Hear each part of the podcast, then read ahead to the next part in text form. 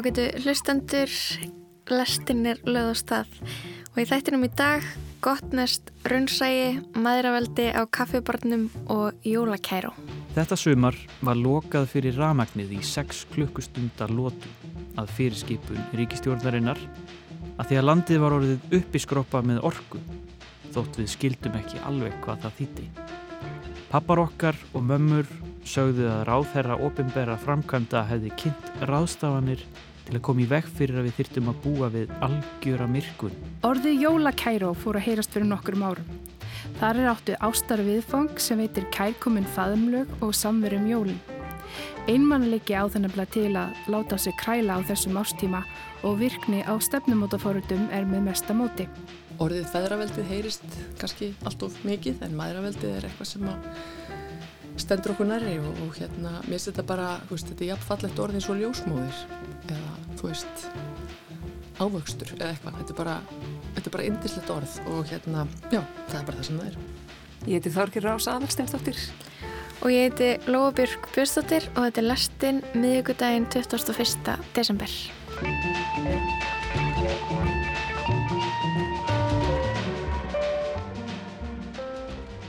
Við ætlum að byrja í Argentínu. Já, bókin Allt sem við mistum í eldinum, smásagnasafn argentínska reytöfundarins Mariana Enríquez kom út hjá Angustúru á þessu ári. Í bókin er að finna raunsæðislegar lýsingar á argentínsku lífi, sögur sem að varpa ljósa á fátækt, stjættaskiptingu, neyslu og heimilisleysi. Í bakgrunni eru ofbeldisverk fyrir kynsluða og það liggur alltaf eitthvað drungalegt í loftinu. Þannig er ungt fólk sem að glýmur við óhugnarlegan innri og ytri veruleika, sér sínir og verður veitnið að rillingi, ímyndum eða raunverulegum maður er aldrei alveg viss hvort það er.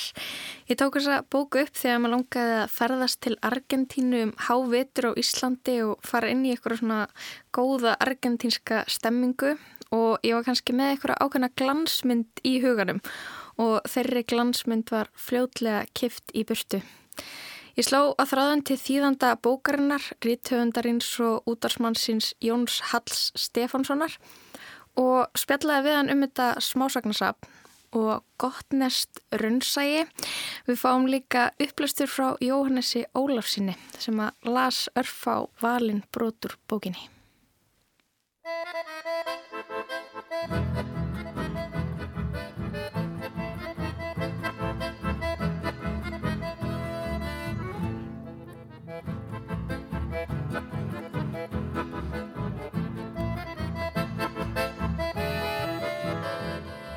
Gótt að sæl, Jónallur, uh, gaman að heyri þér.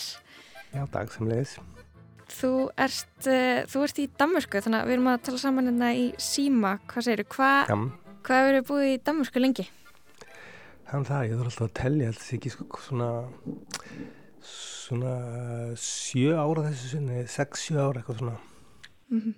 svo, svo var ég reyndar bjóðið þar áður líka í Danmörku frá, frá hérna, frá, uh, já bara rétt eftir raun þá, þá fluttum við ég og tvo danska, eða svona sett hálf danska sinni okkur, okkur langaði hérna kenna um íslensku, nei dansku segjum, þeir læra þannig mjög vel Ég er búin að vera að lesa smásagnarsafnið Allt sem við mistum ja. í eldunum eftir Mariana Enríquez í þinni mm -hmm. þýðingu um, segð mér hvað kemur til að þýðir þessa bók? Já, það er rauninni bara Marja Rán hjá Angustúr sem að, sem að, sem að fann hana sko, hann, hún hérna ég, hún sendi mér hana bara og ég mér list vel á hana sko. Og hérna sem sagt hann að ég gerði það bara. Og mikið láni, þetta var, var gaman því hana. Mm -hmm.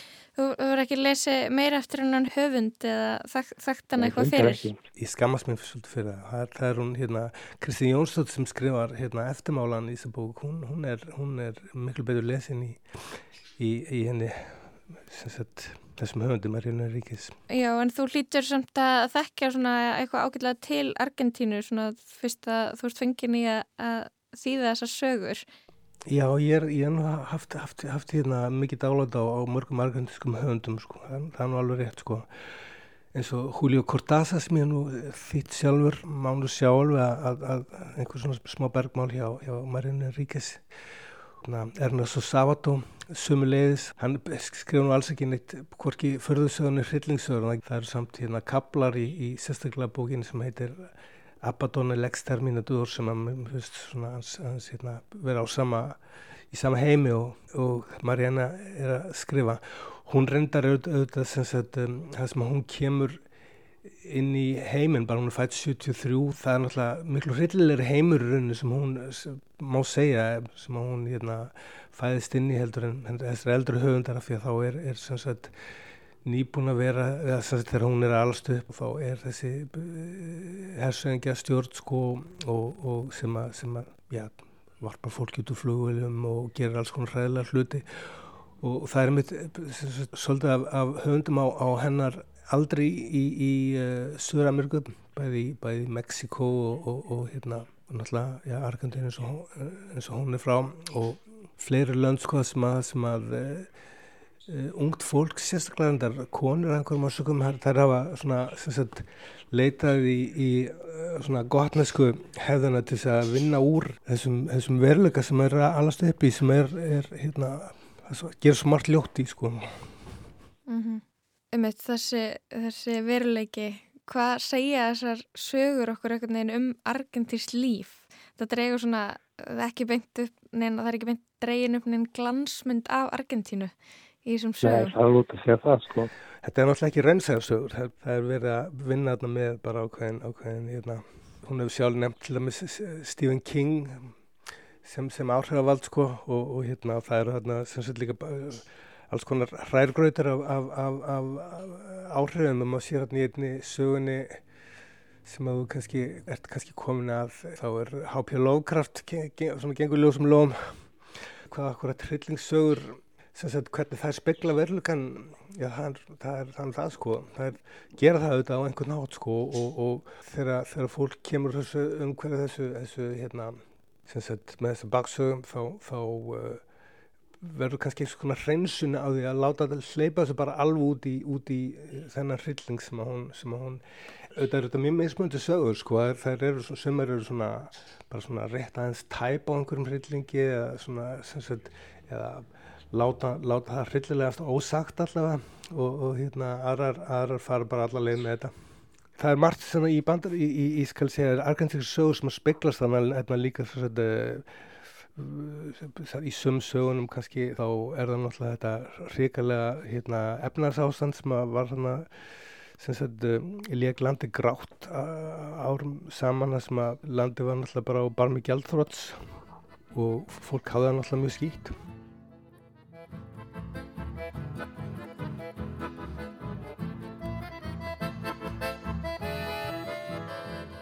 1989 Þetta sumar var lokað fyrir ramagnið í 6 klukkustundar lótum að fyrirskipun ríkistjórnarinnar að því að landið var orðið uppiskroppa með orku þótt við skildum ekki alveg hvað það þýtti. Pappar okkar og mömmur sögðu að ráðherra ofinbæra framkvæmda hefði kynnt ráðstafanir til að koma í veg fyrir að við þyrtum að búa við algjöra myrkun með stormlugt í stofunni eins og í tjaldi endur tókuðau. Hvað var algjör myrkvun? Þýtti það að við yrðum í eilífu myrkri? Sá möguleiki var ótrúlegur, heimskulegur, fáránlegur. Fávitar, þetta fullorna fólk, hugsaðum við. Algjörir fávitar. Mömmur okkar gretu í eldhúsinu yfir blankheitum eða ramagsleysi eða yfir að eiga ekki fyrir húsalegunni. Því verbolgan hafði rýrt kaupið þeirra svo ofbóðslega að það dögði ekki nema rétt fyrir brauði og ódýru kjöti en við kendum ekki í brjóstum fóreldra okkar. Okkur fannst þetta álíka heimskulegt og fáranlegt og ramagsleysið. Við vorum þó allavega með sendiferðabíl og bílstjóra. Það var kærasti Andreu sem var sætust á okkur, svo sem kunni að klippa neðan af gallaböksum til að breyta þeim í sjúglega flottar stuttbuksur og gekk í blúndu toppum sem hún kefti fyrir peninga sem hún stál frá mömmu sinni. Það skiptir ekki máli hvað kærastinn hétt, hann átti sendifjörðabíl sem hann notaði til að keira út vörur á virkum dögum, en um helgar höfðu við hann fyrir okkur. Við reyktum eitrað marihuana frá Paraguay sem ángaði af þvægi og skortýra eitri þegar það þornaði en það var ódýrt og virkaði. Við reyktum þrjár saman og þegar vorum orðnar snarklikkaðar settumst við aftur í sendiferðabílinn þar sem voru kvorki glukkar nýja ljós því þetta var ekki í farþegarími heldur ætlað til að stapla dósum af kjúklingabönum og gullertum. Við báðum kærasta Andriu að keira mjög hratt, bremsa, fara marga ringi kringum ringdorkið við borgarmörkin. Við báðum hann að spýta í á götuhornum og láta okkur kastast upp í loftið á hraðahindrunum. Og hann gerði þetta allt af því að hann var ástfóngin af Andriu og gerði sér vonir um að hún myndi ykkur tíman elska hann á móti.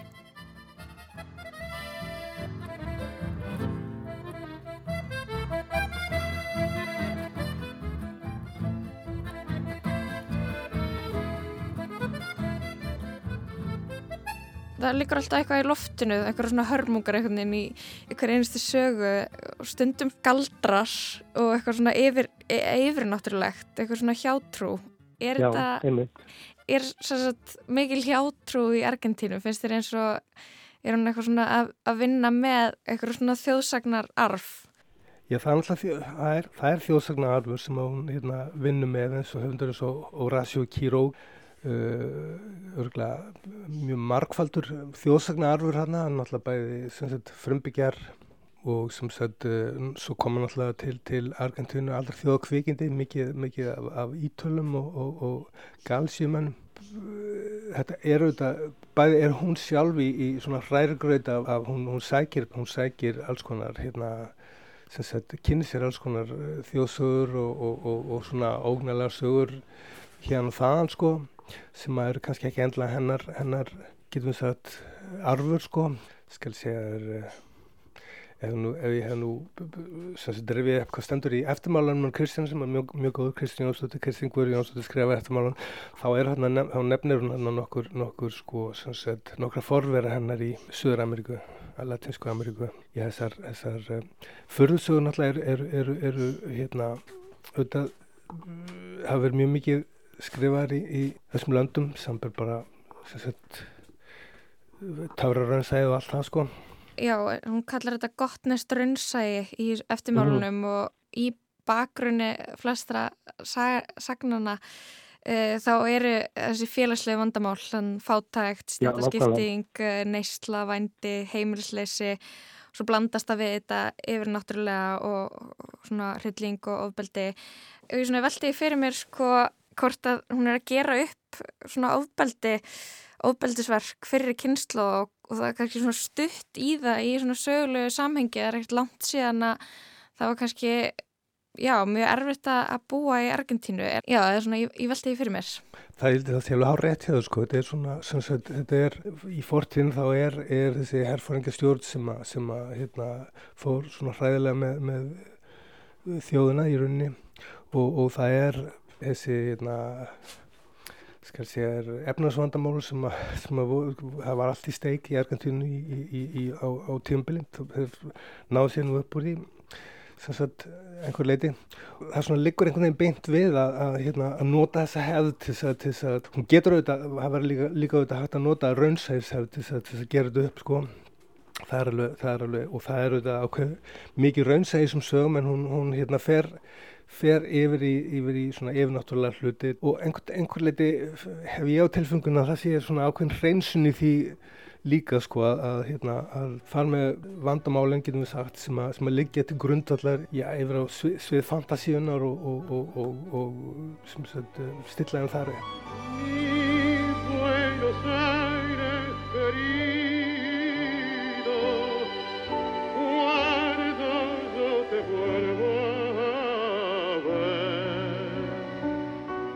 Eitt kvöldið áttu við samleið frá brautarstöðinni heim til mín. Hann sagði ekkert við mig en við gengum samferða. Ég talaði aðeins við hann, spurði hvað hann var í gamall, hvað hann héti, en hann svaraði engu. Þetta var ekki ljúfur eða blíður drengur. Þegar við komum að dyrónum að húsinu mínum, kvatti hann mig þó. Bless nágranni, saðan við mig. Bless nágranni, svaraði ég. Skítu í strákurinn og mamma hans sofa á þremur dínum sem eru svo út í askaðar að þegar þeim er staplað saman eru þar á þygt við venjulega fjadradínu.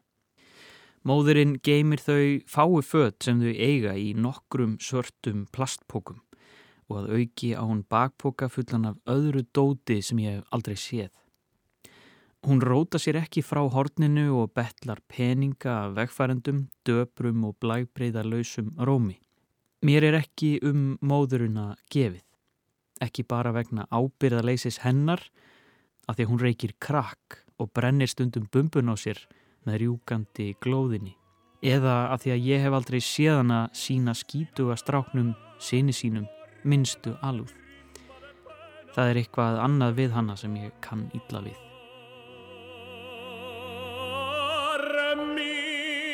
Buenos Aires querido það, það var eitt sem ég tók eftir uh, í þessari bók er að það er í svona flestum sögunum þá eru uh, karlmenn sem að valda vonbriðum og konur sem er ekki lengur ástfóngnar af mönnunum sínum, einhvern veginn algjör, algjörlega vonulegsir karlmenn. Konunar eða kvennpersonar eru svona aðeins mér spennandi, flestar sögurnar sagðar út frá sjónarhóli kvennpersonunar ég svona, ég veldi fyrir mig sko að þess að ég sé að reyna að hugsa þetta eitthvað ofdjúft, hvort þetta sé eitthvað komment á, á argentínska karlmennsku hvort það Já, eða hvað hva heldur þú? Já, þetta er það alveg örglega sko, ég menna þetta þetta er eins og segir, þetta er mjög skýrst enginni á, á, á, hérna, á sögunni og hvort það séu, hvort það séu, við náttúrulega búum í heima sem að svona kallmennskan er, er í uh, svona brennideppliðar, svona krítiskum brennideppliðar, þannig að það er örglega alveg rétt, án þess að ég geti verið að, sagt, Já, þetta er ekkert empiriskur, hérna, empirisk útakt af, af, af kallmennskunni eins og held ég að örgla að hérna, kallmennskan í Argentínu sé nú, já, ekki skára en á mörgum stöðum en aðstæðar.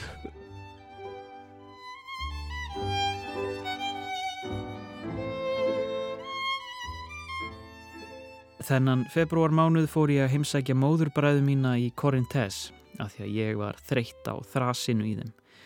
Þú ert gift og við þekkjum ekki mannin þinn. Hvernig getur staðið á þessu? Þú ert að felan fyrir okkur. Nei, saði ég og hló í síman. Af hverju ætti ég að vera felan? Mér langar mjög mikið til að þið kynist honum. Hittumst fljótlega. En það var rétt hjá þeim. Ég var að felan fyrir þeim. Móðurbræður mínir eru þeir einu sem heiðra minningu mömmu sem var uppáhald sýstir þeirra og dó í heimskulegu slísi þegar ég var 17 ára. Fyrstu sorgarmánuðina buðu þeir mér að flytja norður til þeirra. Ég hafnaði því bóði. Þeir komu ofta að heimsækja mig. Þeir gáðu mér peninga, ringdu daglega. Dætur þeirra gistu hjá mér um helgar en mér fannst ég ennþá ein og yfirgefin og að því að ég var einmanna rasaði ég um ráðfram í ástarmálum og giftist út úr neyð og nú bjóði með Juan Martín sem mér fannst bæði pirrandi og leðilegur. Ég ákvaði að fara með hann og kinnan fyrir móðurfólkinu til að gá hvort annað sjónarhótt myndi breyta honum. Ein máltíð í rúmgóðum húsagarði stóra húsins var nóg til að gera út um þá von. Juan Martín veinaði þegar konguló ströxt við fótleikina honum. Ef þar er ekki með rauðan kross á belgnum þartu ekki að hafa áhyggjur, sagði Carlos, móðurbróðuminn með síkarettuna millir varana. Það eru bara þær sem eru eitraðar. te preguntan dónde fui, no les cuentes sobre mí. Si te tratan como antes, no seas tan distante, háblales de ti. Cuando hablen del amor, muéstrales una canción si sigues tan distante, procura relajarte, háblales de vos. Y no me voy a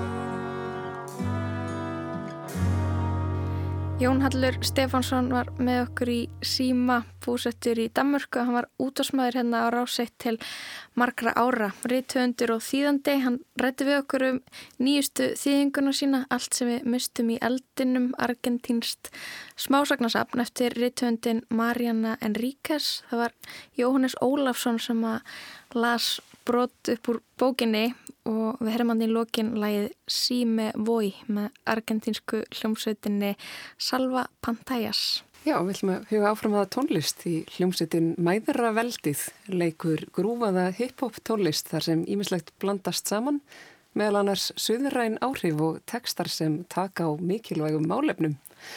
Meðlimir sveitarinnar eru rapparinn og taktarsmiðurinn Eyjólfur Eyvindarsson, betur þekktur sem Cesar A., Margrét Tóruðsen, söngkona og hljómbordsleikari og Þórdís Klassen sem leikur á bassa en hún kom hingað í hljóður í dag.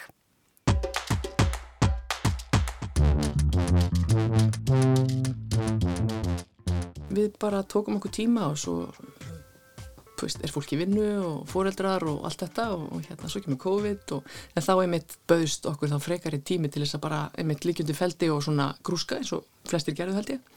Svo er, þetta er ekki nýtt band, alls ekki. Fyrsta orð sem batnið segir er ma. Annað orðið er ma sem saman verður ma. Ma svo mæ, svo mæra, svo mæra, mæra veldi Svo mæ, svo mæra, svo mæra, mæra veldi Á utan hennu ekko, móður á legg. Fyrsta samfélag, þekk bara hún er þess megg Móður kona meja, fórstulandsir freyja. Samstarfið byrjaði fyrir einhverjum árum síðan þegar að e, Cesara, rapparinn eða Jálfur Eyvindsson hafði samband við mig og við höfum svona spjallað um að gera tónlist saman. Og ég hef nú svona að upplægi trommari og slagvisleikari en hef alltaf haft bassan eh, með mér til hliðar sem að hefur vaksið í minni sál mjög mikið. Og það má auðvitað segja að, að bassin sé svona búin að taka aðeins yfir hjá mér. Svo við byrjum að vinna saman. Og svo kemur Margrét Tóruðsson inn í þetta sem er piano og hljómbúsleikari og fantaflott söngkonar Mæra veldir ykkur út að fara veldir sá flóta Mæra veldir ykkur út að fara veldir sá flóta Skynsefni samina mæra veldir Na na na na na na na. Umræða fjölskylda mæra veldir Na na na na na na. Na Skynsefni samina mæra veldir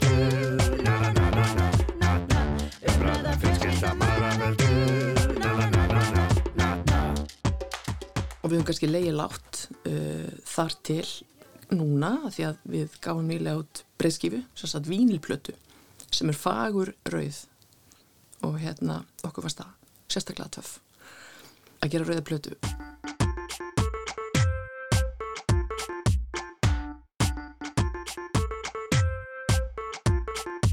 Eyjó sko stopnaði þetta band og ræðar okkur eða ég meina þú veist hlutinni gerast þegar við hittum stöðu og uh, hann talaði um að vilja vinna með konum. En, en í rauninni erum við bara frekar kynblind band. Við erum bara þrjir einstaklingar sem erum að elda saman. Góða hluti. Já, en hvernig hafa viðtökurnar verið, eða hver eru fyrstu viðbröð fólks þegar það erir þetta nafn, mæra veldið? Já, það vekur ég mitt oft spurningar og hérna fólk kannski veit ekki alveg hvað á að segja, þetta er svona svolítið eins og svona komið fólki á óvart sko. En mjög oft segir fólk, já, er þetta stelpuband? Er það svona re reyðar rauðsvakur eða eitthvað sem er náttúrulega mjög mikil tíma skekja en nei, alls ekki. Minna, veist, þetta er bara fallegt nafn mm. og, og hérna orðið feðraveldið heyrist kannski allt of mikið en maðuraveldið er eitthvað sem að stendur okkur næri og, og hérna mér finnst þetta bara, þú veist, þetta er jafnfallegt orðið eins og ljósmóðir. Eða þú veist ávöxtur eða eitthvað, þetta er bara þetta er bara indislegt orð og hérna já, það er bara það sem það er. Nefnitt. En þið takir samt eitthvað á kynja mistrætti í tekstunum eða hvað? Mm, jú, sko samt ekki kannski beint, ég meina við reynum bara að láta þetta svolítið flæða og, og, og sko það er ekki beint eins og það sé ásetningu bansins að, að taka henni fæðraveldið Nei, að berja bumbur og einhvern veginn svona, þú veist hér erum við, þetta er meira bara þú veist, móðir og konan er bara eh, okkur mjög kær Einmitt. og eitthvað svo leiðis en já, það kemur auðvitað fram í tekstunum skilur, ég meina lægi sem að vera með í smíðum núna sem að ég mitt fjalla kannski svolítið um þrjúvaktina um, kemur aðeins inn á þetta en það er eitthvað sem kemur í ljós síðar því að lægið er ekki alveg tilbúið. En það er mjög gott grúf í því lægi úlala. Þannig að við skulum ekki ljóstra því upp ofsnæma Sko yrkisefnin okkar eru svolítið svona samfélagsleg og við tölum um hluti sem að snerta okkur og jafnvel kannski um hluti sem að er ekkert alltaf mikið talað um og, og eitthvað sem gæti komið við kaunin á sumum eins og til dæmis eitt lagi fjallar um kennitöluflakk og fjármagsbandita sem að hérna við gefum ákveðna útreið eða í rauninni kannski bara tölum hreinlega um hlutina hvernig við sjáum á. Ísland, best í heimi Samkvæmt hamingi vóinni, best í heimi. Ísland, nýfálsíki paradís Lang best í heimi. Gláð daginn gróðu við nótt. Besta svika mild í heimi. Og ef fjárglæðuríking frá hausin ekki málið.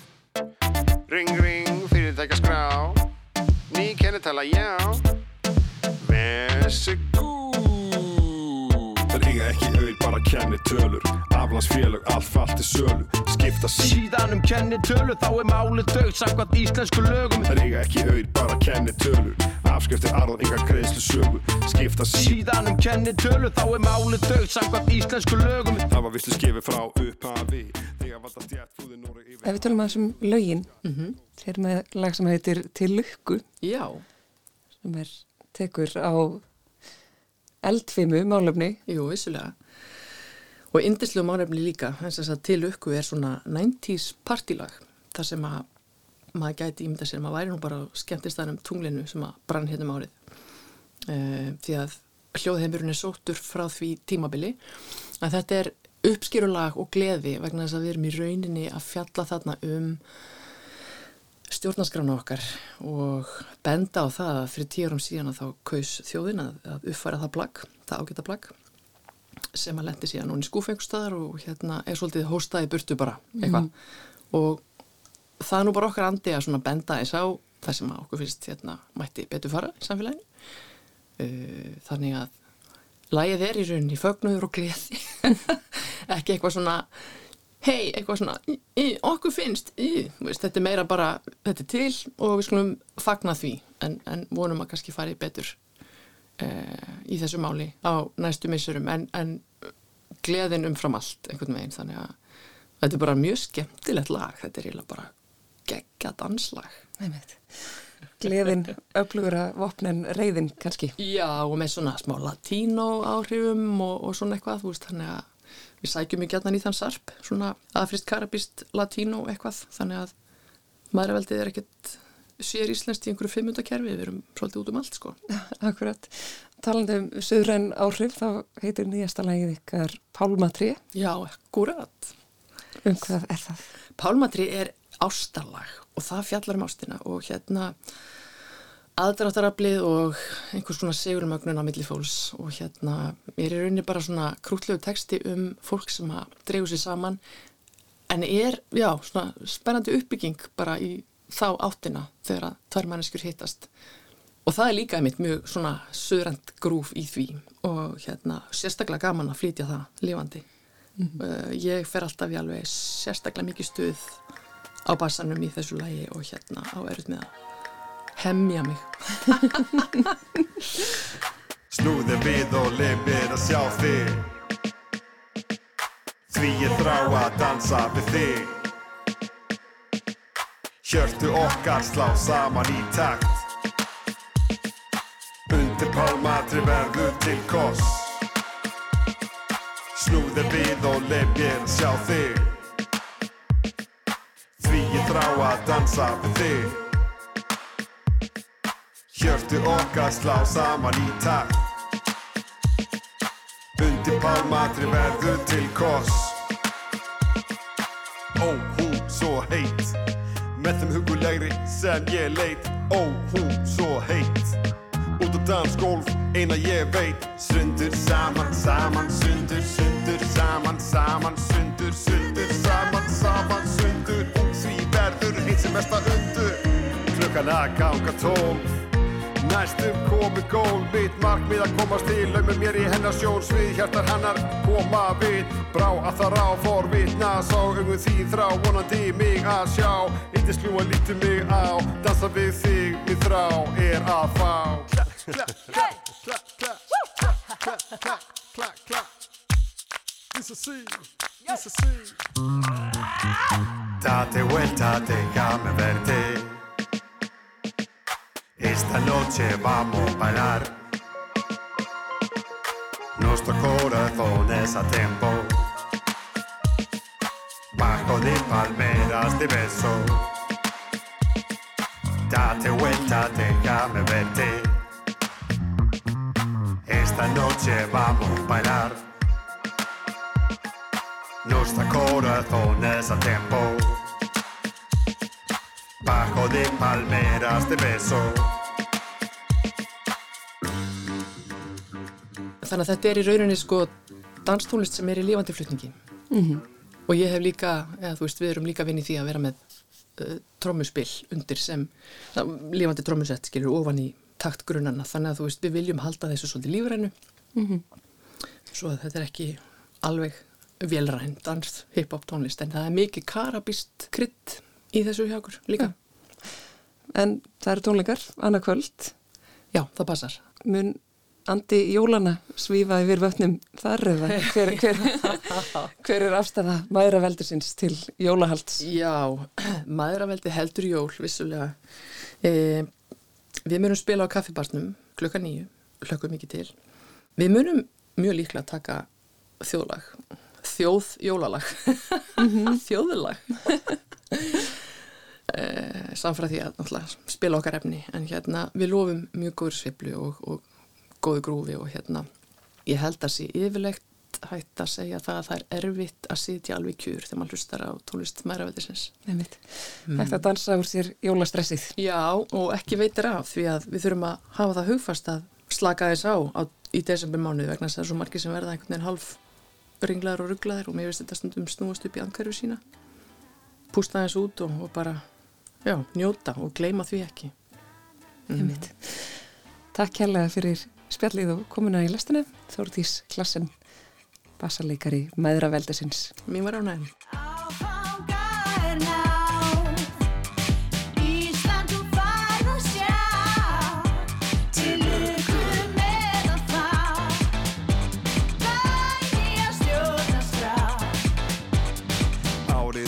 Sjöfjóri þá kom við upp á fróni kongur Kristján nýjandi með bó undir hendi.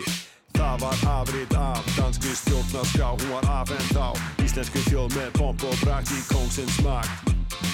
Lítill munur á þeim tveim, nema hvað, kannski það að á Íslandi var kongur fósiti Helsti þjóða leitt og ég, ný stjórnarskrá, næ, ný stjórnarskrá, næ, ný stjórnarskrá, næ, ný stjórnarskrá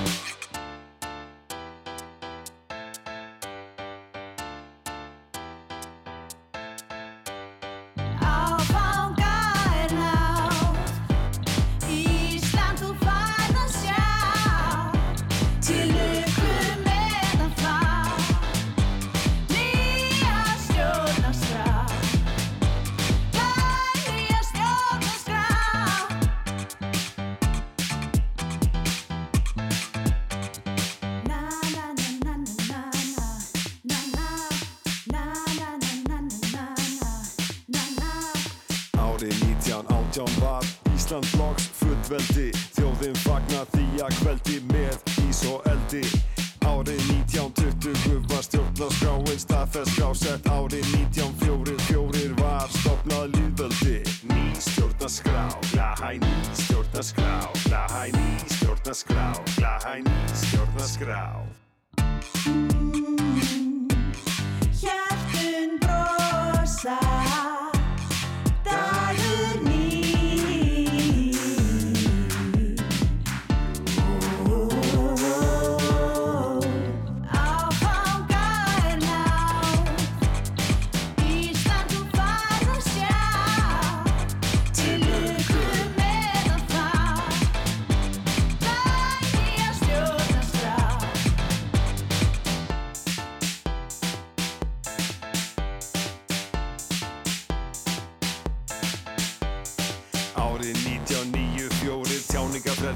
skrána bætt við árið 1995 Mannarstakablinn kom inn árið 2012 Þjóðin samt í nýja stjórnarskrá. Eintóm gleði þá. Afhend alþingi í sama ár. Ný stjórnarskrá, glahæ ný stjórnarskrá. Glahæ ný stjórnarskrá, glahæ ný stjórnarskrá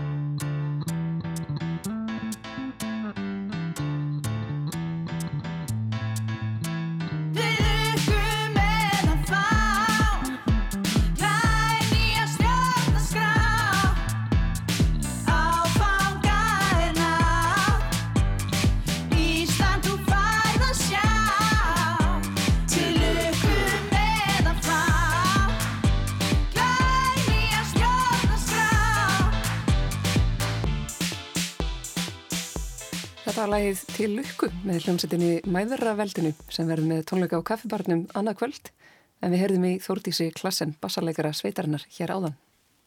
Já, við ætlum að fara núna úr tónlistinni yfir í sjónvarp. Hún Eirun Lóa Eiríksdóttir rínir í ítalska jólaþætti. Ég hata jólin. Odio il Natale. Er ég að segja þetta rétt, Þorgerur? Hvað heldur þú? Já, ég held að. Ok. Uh, já, þessum þáttum er viðfangið jóla kærasti í brennidepli.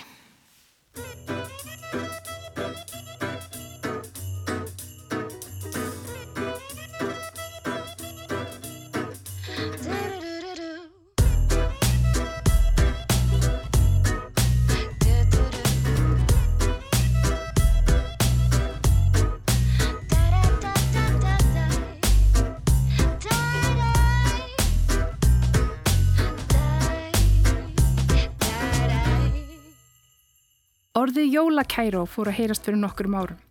Þar er áttu ástar viðfang sem veitir kærkomin faðumlög og samverum jólin. Einmannleiki á þennabla til að láta sig kræla á þessum ástíma og virkni á stefnumótaforutum er með mesta móti. Dægurmenningin heldur að okkur þeirri hugmynd að það sé ekkert betra en að vera með sínum heittelskaðum jólin og má þar nefna vinsal jólalög eins og All I Want for Christmas is You með Mariah Carey og Þú komst með jólin til mín með Ruth Reginalds og Björgunni Haldásinni. Þá hverfast margar jólakveikmyndir um ástina og má þar nefna vinsala romantíska kveikmyndir á borði Love Actually og The Holiday. Ástin kemur einnig þó nokkuð við sögu í The Grinch. En einn vendipunktur þeirra sögu er að samnefnd söguhetja leggur til hlýðar anduð sín á jólunum og tekur þátt í jólahaldinu með það fyrir augum að vera með þeirri sem hann elskar. Ekki hefur farið mikið fyrir jóla ástarsögum í sjómastáttaformi, þó mikið sé framleitt að jólakveikmyndum sem falla í ástarsögu flokkin. Netflix reyndi fyrir sér með jólasjómastættinum Dash og Lily fyrir nokkrum árum með ágættis árangri og hinnum norsku heima um jólin. Þeir þættir hafa nú verið endurgerðir í skvísulegri ítalskri útgáfu og bera nafnið Ég hata jólin og fjalla um örvendingafulla leit þrítugurar konu að jóla kæró. Hugmyndina að norsku þáttunum heima um jólin eiga nefnundur í auglýsingafræði sem þróðu hugmyndina og komu henn og framfæri við Netflix. Þetta voru dagatalsættir fyrir fullorna í anda vinsætla norskra gamaþátta með sérstaka áhæslu á raunir einhleiprar ungrar konu í leitað hinnum fullkomna lífsförunöyt sem er í raun ekki til. Sjálfsást og sjálfsöryggi voru auk þess burðarliður í hugmyndina þáttunum en það hefur löngum tengst postfeminískum áherslum þar sem áhersla er lögð á að breyta sjálfum sér en ekki kerfinu sem slíku. Í endurgerðinni Ég hata jólinn hallar söguþráður og efnustög sér mun meira í átta skvísusögunni en í norsku upprunlegu þáttunum. Má þar nefna þemu sem áhörundu þekkja úr dagbók Bridget Jones og beðmálum í borginni. Orðræð og atbyrðrást hverfist um aldur, atvinnu, tímakrísuna, neistlu, vinóttu og romantík en þessi atrið eru helstu enginni skvísusögunar. Christmas doesn't care about your happiness. All that matters is having a family of your own. But I won't buckle. I'm proud of my independence. Spinster. You mean spinster? And I don't need a boyfriend to be happy. I'd freeze my eggs. I heard you got married. I have one. I have a boyfriend and I'll bring him over for Christmas, yeah? Well, there's hope for everyone. Þættinir sjálfur fjallað um þrítugan hjúgrunafræðing, Giannu, og örvengt eitthvað fullt kaplup hennar til að finna hinn eina rétta og uppfylla kröfur fjölskyldu og vina um að binda sig í báða skó. Gríðarlega mikil postfeminisk pressa er á aðal söguhetjuna og aðrar kvennpersonur og þó helst í formi tímakrísunar svo kölluðu en Gianna fær endur tekið þau skilabóð að hún sé að renn út á tíma með að gifta sig og eignast börn. Útlitstengdar kröfur er eigni ábyrjandi til dæmis að hún sé að eldast og þurfi að bera sig eða klæða sig ákveðin hátt. Hvert sem hún lítur hefur fólk parað sig saman og hún har erfitt með að komast yfir sinn fyrirverandi sem er nú giftur með ungbarn. Þættirnir eru hálf tíma langir og vissulega í jóladagatalsformi þar sem taliði niður til jóla og auðvelt að koma þeim fyrir í þjætt skipaðri jóladaskró desembermánar.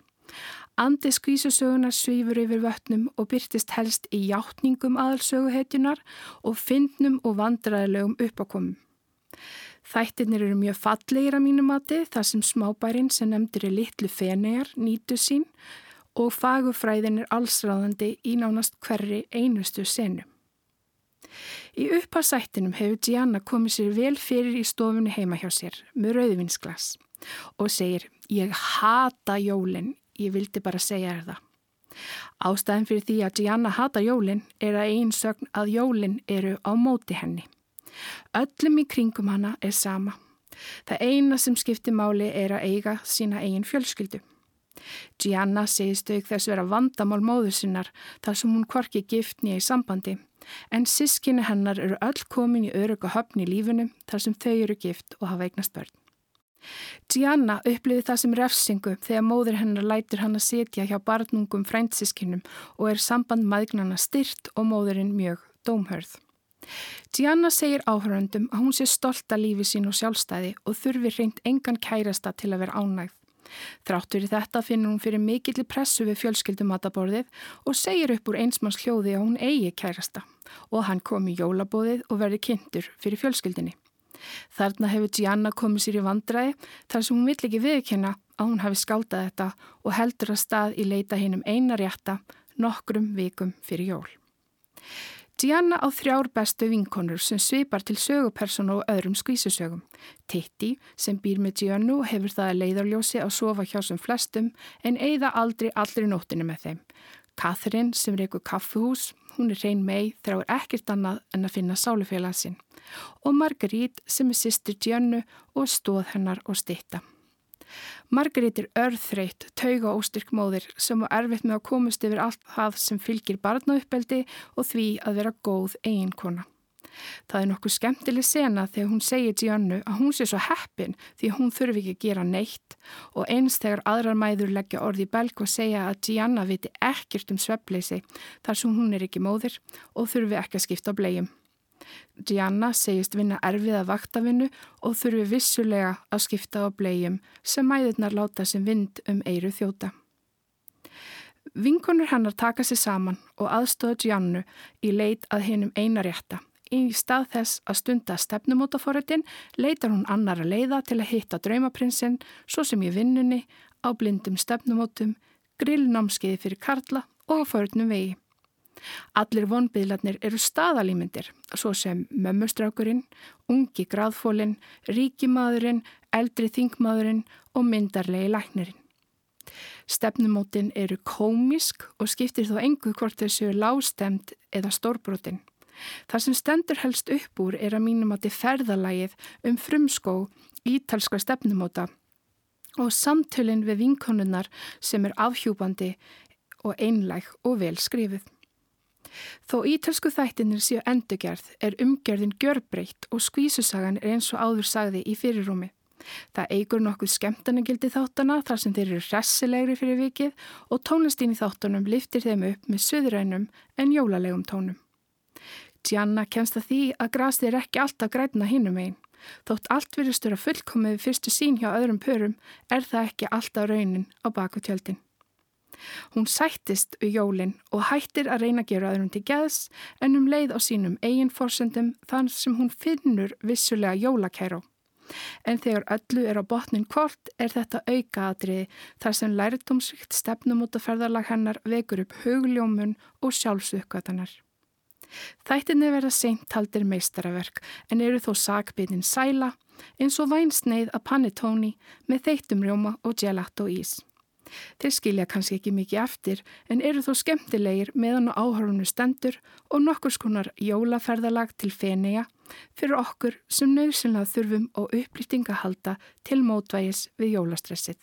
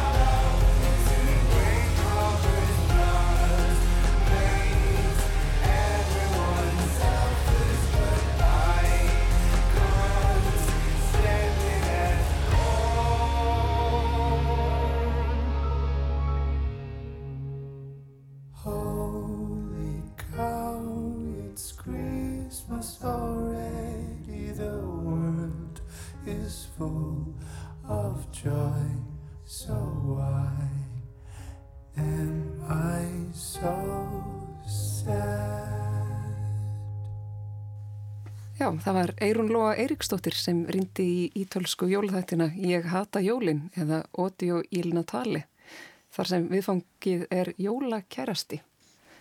En þarna hljómaði í lokin tónlist sem hljómar í þættinum var hægt að finna á Spotify.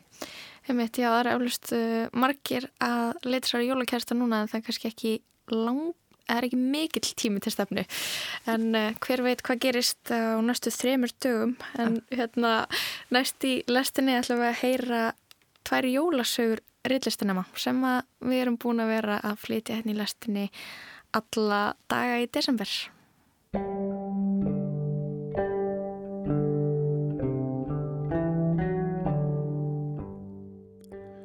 Gluggagægir eftir Orra Mattias Haraldsson. Ég stóð sem fastast í gardinum og fylgdist með stóri fjölskyldinu inn um borstofugluggan. Gildur ljómi stremd út í bakgarðin og seiklaði inn að mínum dýpstu hjartarótum. Ó, hvað ég öfundaði samkomuna og hátíðarandan sem ríkti við kvöldverðaborðið. Ég hallaði mér fram til að gæja spetur inn. Afinn reyndi árangurslust að bjóða barnabönnunum grænar bönir. Þau innblindu og gafinnar undir gerfi jólatríinu. Loftið var kallt í þéttri desemberdimunni en ég var klættur grænum síðfrakka. Sveipaður ljósadýrð. Vá, hvað þetta er fallega skreitt greinitri, sagði yngri systrin og bent út í myrkrið.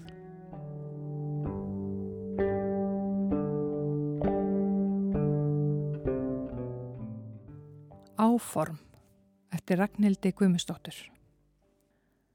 Hanna hafði alltaf dreymt um að búa til jóladagatal.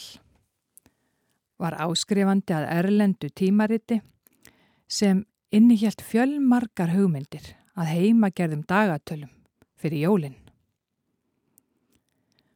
Hún hefði getað hand saumað vegteppi með ábundnum innpökkuðum konfektmólum við hverja dagsetningu. Eða byggt jólatri úr tölusettum kössum með glaðningi innan í. Mest langaði hana að setja ilmandi grenigreinar í vasa, hengja á þær dagsett kramarhús og stinga í hvert þeirra miða með áleitraðri samverustund fjölskyldunar á aðvendunni. Eftir að öll börnin fóru að heiman, skoðar hún stundum tilbúin jóladagatöl á netinu og íhugar að panta eitt.